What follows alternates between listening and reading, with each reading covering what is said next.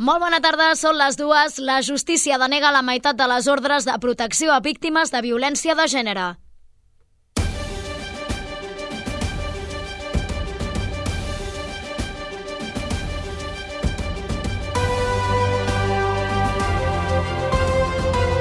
Notícies migdia. Núria Garcia.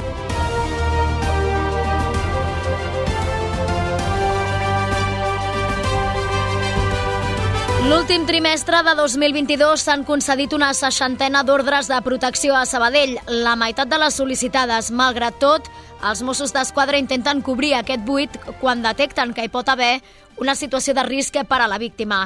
Així ho ha dit avui l'intendent del cos a Sabadell, Enric Cervelló, en declaracions del Cafè de la Ràdio. Que nosaltres donarem la màxima assistència, que hi hagi ordre de protecció o no, eh, Mossos eh, actuarem igual, vull dir, si el jutge considera que no, perquè a vegades no és que no vulguin el jutge, sinó és que la llei no, no els hi permet, nosaltres sí que estem autoritzats a pujar el grau de, de protecció, i això sí, sí que es fa. Vull dir, el que intentem que sigui un, un, un tema integral, que és el que comenta la Caporal, que treballem en xarxa, amb tots els uh, recursos que hi ha a, a tots els ajuntaments amb els que estem treballant i els serveis socials, tant a nivell d'ajuntament com de, com de la Generalitat.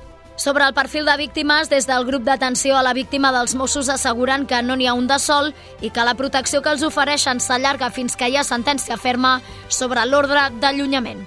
És el tema del dia, però en tenim més com ara el miler d'adhesions que ha rebut el manifest contra el quart cinturó, a la nova edició de la cursa solidària Sabadell Corre pels nens i el doble concert de comiat dels sabadellencs Va com va d'aquest dissabte.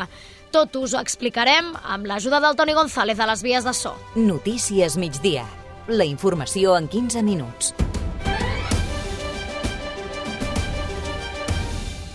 Els serveis.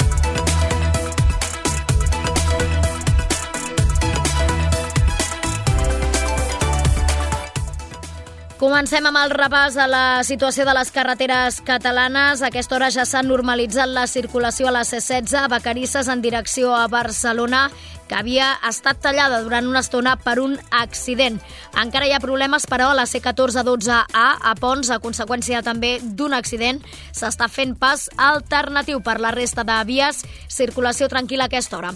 I com funciona el transport públic? Albert Garran, des del Transmet, bona tarda. Què tal? Bona tarda. Doncs estem tenint un dijous, com la resta de la setmana, de normalitat a tota la xarxa de transport públic on no destaquen fins al moment alteracions significatives, excepte pel que fa a bus, comentar com dia més segueixen les afectacions al Baix Llobregat a causa de la convocatòria d'aturada a l'operador Avanza Baix, on parlem d'afectacions generalitzades a totes les seves línies. De moment això és tot des del Transmet. Bona tarda.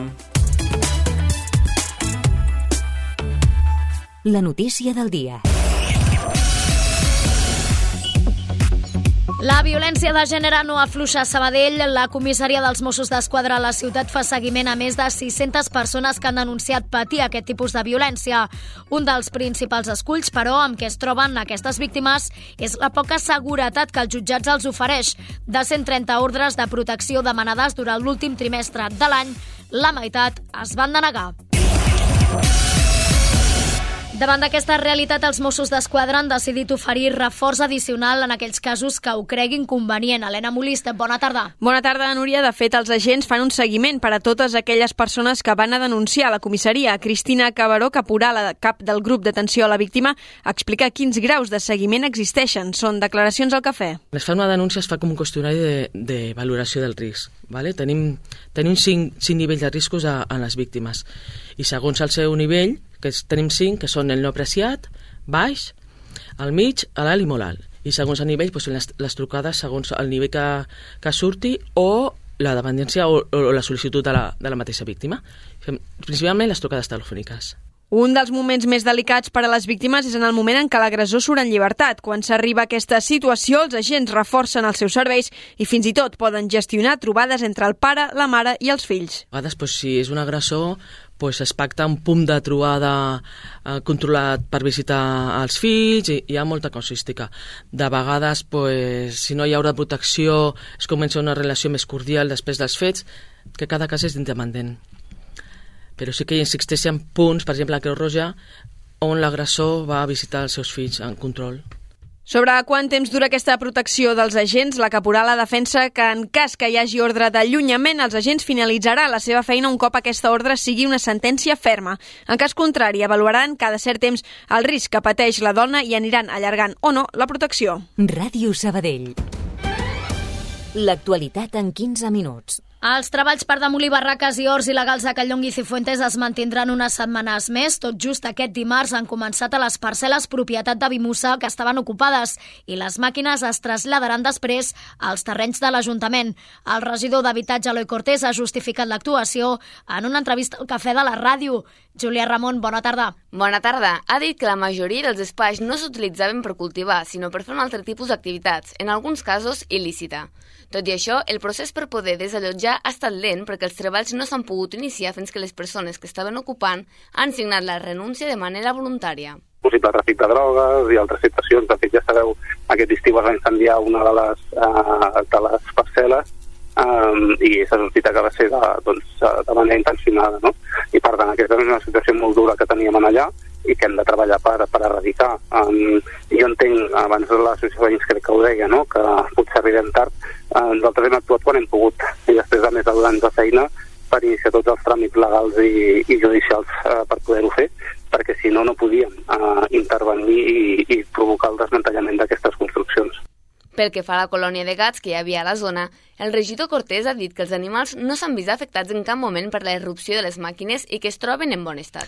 El manifest No al quart cinturó al Vallès i al transport públic suma més de 1.000 adhesions en només dos dies. El text assegura que hi ha una mancança de propostes reals en el projecte i que cal actuar-hi en contra i també contra les partides pressupostàries que el volen facilitar. Isidre Soler, membre de la campanya contra la infraestructura, assegura que no es farà. Ja podem dir clarament que el quart cinturó eh, no es farà, perquè no el deixarem fer, perquè qualsevol intent de fer el quart cinturó trobaran al carrer i ens trobaran sobretot també a la justícia, als jutjats. A la manifestació del diumenge confluiran diferents columnes provinents de poblacions ballesanes i diversos barris de la ciutat. A l'acte final, a la plaça de l'Àngel, hi haurà bastoners gegants i l'artista Joan Garriga cantant de Dus Minguet i la troba Kung Fu. Notícies migdia de dilluns a divendres a partir de les dues. Pràcticament les dues i vuit minuts, la sisena edició de la cursa Sabadell Corre pels nens i les nenes anirà destinada a recaptar fons per humanitzar el Servei de Salut Mental Infantil-Juvenil del Taulí. Així s'ha presentat aquest migdia des del mateix centre, on fa només uns mesos que han estrenat nova planta d'hospitalització. Karin Madrid. L'impulsor de la cursa, Toni Valverde, ha destacat per què ha triat la salut mental com a motor de la iniciativa aquest any. Va motivar molt a, a fer que aquesta edició fos per la salut mental infantil-juvenil. Crec que, que ens trobem en, en un moment complicat, crec que tenim un, algo fora a solucionar, un problema gran, crec, no només per la jovent, sinó per, per també a adults i grans. La cap d'àrea de salut mental i infantojuvenil del Taulí, Montse Pàmies, ha apuntat quin és l'objectiu a perseguir amb aquests recursos. Fer que els nens i les nenes, quan vinguin a l'hospital, se sentin a gust, se sentin tot el còmodes possibles. Eh? Evidentment, una hospitalització per una malaltia mental no és una situació fàcil, ni pels nens ni per les famílies que han de deixar els fills aquí eh? i que moltes vegades els hi costa entendre la situació eh?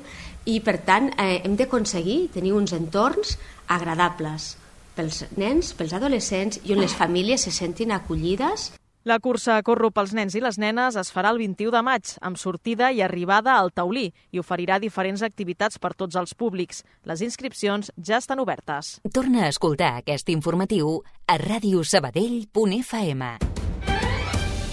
I tornem a parlar del cas Jovany perquè la família d'una de les joves imputades en la investigació celebra que Santiago la Iglesia torni a estar investigat. Montse Careta va entrar a presó preventiva i poc temps després s'hi va suïcidar.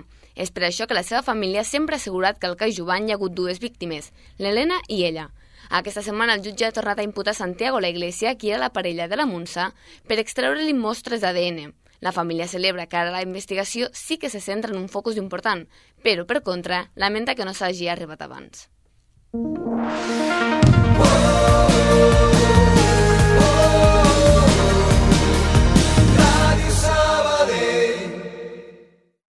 Busquem el sabadellenc de l'any. Ens ajudes a trobar-lo? Laura Andrés, Maria Antònia Cavistany, Caral Castellet, Antonio Martos o Tomàs Pladevall. Entra a la pàgina web de Ràdio Sabadell i vota la persona més destacada de la ciutat d'aquest últim any, fins al 14 de març a les 12 de la nit. Segona edició del Premi Sabadellenc de l'any. Organitza i Sabadell amb la col·laboració de Ràdio Sabadell. Ens ajudes a trobar-lo? Ràdio Sabadell. Notícies.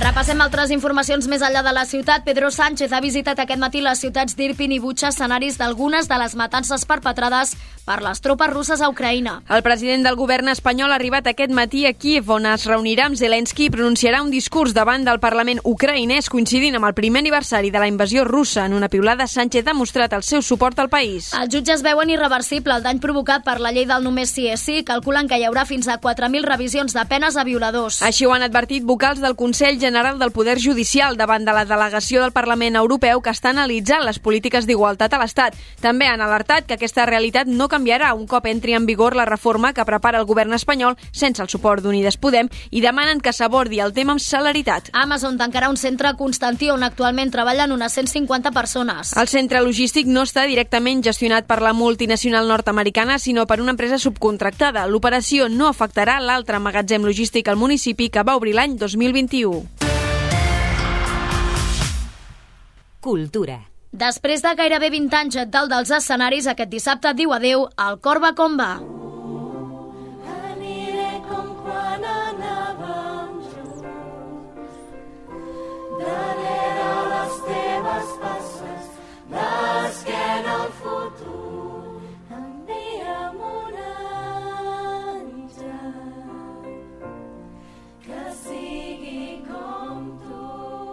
Seran dues funcions el pròxim dissabte al Teatre Principal a les 6 de la tarda i a les 9 de la nit. Sorgits a l'Escola de Música de la Creu Alta, es van fer coneguts per la seva participació en el programa musical de TV3 Oh Happy Day, però una de les cantants, Marina Morías, diu al programa al matí que el record més especial és el del pregó a la festa major de la ciutat. Per la festa major de Sabadell del 2015, si no m'equivoco. Sí, juraria que sí, sí, perquè el Happy Day va ser el 2014. Al setembre del 2015 que vam fer el pregó de la festa major de Sabadell i després vam fer com un dels primers concerts i vam cantar allà davant, de, bueno, a la plaça de l'Ajuntament i la sensació d'això, d'estar davant d'una plaça plena no? de bat a bat, va ser super, super emocionant. Després d'escoltar la selecció que han presentat aquest dissabte, es quedarà el record i també el seu disc Petjades. Caminaré d'esquena al futur. Canviem de registre al concert dels Amics de les Arts és de moment el que més entrades ha venut del Festival Observa. Ai, Jean-Luc, ai, Jean-Luc, vull entendre-ho, però no puc. Tot i això, encara queden 3 mesos perquè comenci el festival i també queden dos artistes per descobrir, Helena. Sí, uns noms que sabrem d'aquí unes setmanes, a mitjans de març. José Luis Castet, creador, defensa que aquesta segona edició ha de ser la de la consolidació. consolidar una miqueta més la part de Village, per això, per això hem, hem, hem, fet, hem fet canvis, eh, i sobretot tornar a omplir, vull dir, dotar de vida, jo crec que, que encara estem una mica en la fase de, de tot i que l'any va anar molt bé, en la fase de, de consolidar, no? i que encara falta molta gent per venir i que molta gent eh, sàpiga que, que ha el Festival Observa que és un espai privilegiat a, a la ciutat i, a, i al Vallès per, per gaudir de concerts. Llavors estem una mica en, en la fase aquesta encara, jo crec, de, de donar a conèixer la gent que no coneix el, el festival. Les entrades per tots els espectacles es poden comprar a través del web de l'Observa.